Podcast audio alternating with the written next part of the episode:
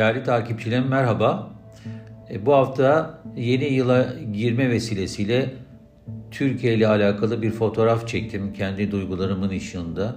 Umarım siz de e, ilgiyle izleyip bir parça düşünmenize de vesile olmuş olurum. E, başlık böyle gelmiş, böyle gitmesin. Öğretilmiş umutlarla yeni yıla girerken 1 Ocak sabahında değişen neydi ki? Uzun gecenin ardından yorgun kalktığınızda değişenin aslında sadece insan icadı yıl sayısı olduğunu idrak edene kadar mahmur mahmur dolaşırken kışın ortasında iklim değişikliğinin size ironik de olsa hediye ettiği saf güneşin aydınlığında henüz uyanamamış beyin hücrelerinden bu yıl böyle hep aydınlık geçsin bari dileği çınlıyordu kulaklarda. Lakin başladığınız yılın ilk günü ve sonrakilerde öğrenilmiş çaresizliklerin tuhaf sarmalında yıpranmış yolunuza devam edeceksiniz.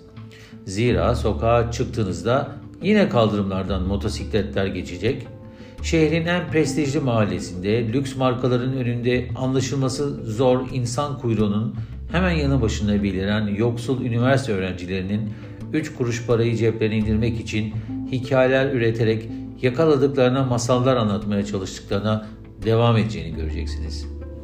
Taksiler yine sizi almayacak.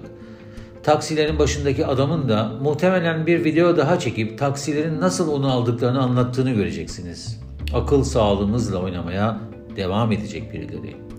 Üç şeritli yol fütursuzca ve umarsızca sağda solda park edenler yüzünden bire inecek yine. Ve siz etrafınızdaki duyarsızlıkla yaşayan onlarca insan size Allah başka dert vermesin dediği için bunu da sineye çekeceksiniz. Kuralsızlık diz boyu devam edecek. Birileri orman kanunlarından esinlenip güçlü olmayı oynayarak sizi adaletsizce devre dışı bırakmaya devam edecek. Utanmayı bırakın, mahcubiyet duygusu yine yoklara oynayacak bu senede. Zira ormanda var olmak ve hayatta kalabilmek için bu gibi kadim duygulara yer olmadığını çaresizlik içinde tekrar hatırlayacaksınız. Yalan söylemek sıradan ve önemsiz bir davranış biçimi olmaya devam edecek. Asıl olan hayatta kalmaktır zira. Yalan birilerine galibiyet getiriyorsa ne aladır diyecekler.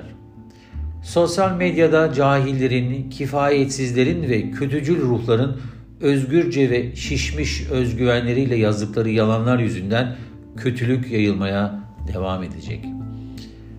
Ece Temel Kur'an'ın pek yerinde sapladığı gibi güçlünün haklı olduğu bir dünyada utançsızlığın sınırsızlığı ile davrananlar elbette kral olacak. Kim bilir herkes çıkışsızlık ve çaresizlik içinde kral peşinde olmayı hedeflediği için utanç ve mahcubiyet kadük, yeni yıldızımız ise yalanın ta kendisi olmuştur. En çok büyük zorluklar ve fedakarlıklarla iyi bir eğitim almış ve bu kazanımla iyi bir işte çalışıp yükselmeye çalışan ve orta sınıfın bel kemiğini oluşturan kesimlere yazık oluyor bu coğrafyada.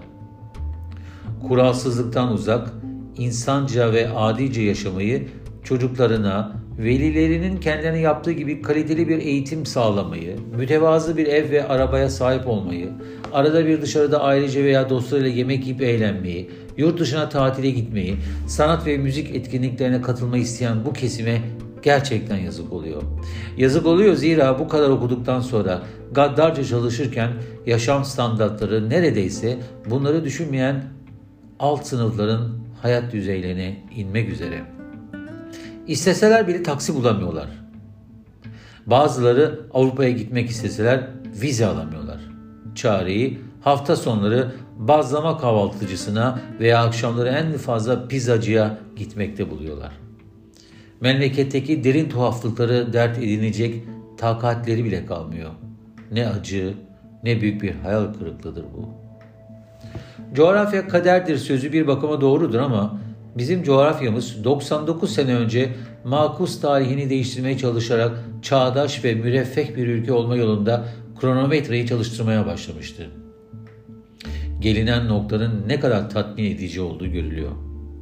Nüfusunun en fazla %5 ile onunu oluşturan über veya mütevazı zenginlerle turistlerin doldurduğu pahalı otelleri ve şık restoranları gördüklerinde kimilerinin bizim akıl sağlığımızı oynarcasına hani ekonomik sıkıntı vardı, hani orta direk çökmüştü denli post-truth döneminin en pespaye hakikat çarpıtmasına yenilmemek gerektiğini hatırlatmak lazım. Dünyanın en genç emeklilerini doldurduğu bir ülkede emekli maaşlarını karşılamak için enflasyonun artacağını bile bile para basılacağının veya zamanında tüm vergilerini ödeyenlere yeni vergiler getirmenin kaçınılmaz olacağını da hatırlatmak lazım. Vergisini ödemeyene de genelde affın çıktığı tuhaf bir coğrafyadır burası. Sandık demokrasisinin yarattığı bu garipliğe hiçbir çare bulamayanların olduğu bir ülkede yaşamak yorucudur ve son tahlilde bu topraklara hiç layık olmadığı kadar dargınlık doğurucudur. Başka bir gerçek de var ama. Jean-Paul Sartre'a göre her seçim bir kaybediştir. İnsanın durumundan ne tanrılar sorumludur, ne ilk günah, ne kalıtım, ne çevre, ne soy, ne sınıf, ne anne baba, ne yanlış, ne doğru eğitim, ne de çocukluk veya gençlik yarası. İnsan özgür yaratılmıştır. Durumundan sadece kendisi ve özgürlüğünü kullanım alanı sorumludur. Coğrafya kaderdir ama insan özgürce yapacağı seçimlerle kendi kaderinin ağlarını istediği yönde ölebilir belki de.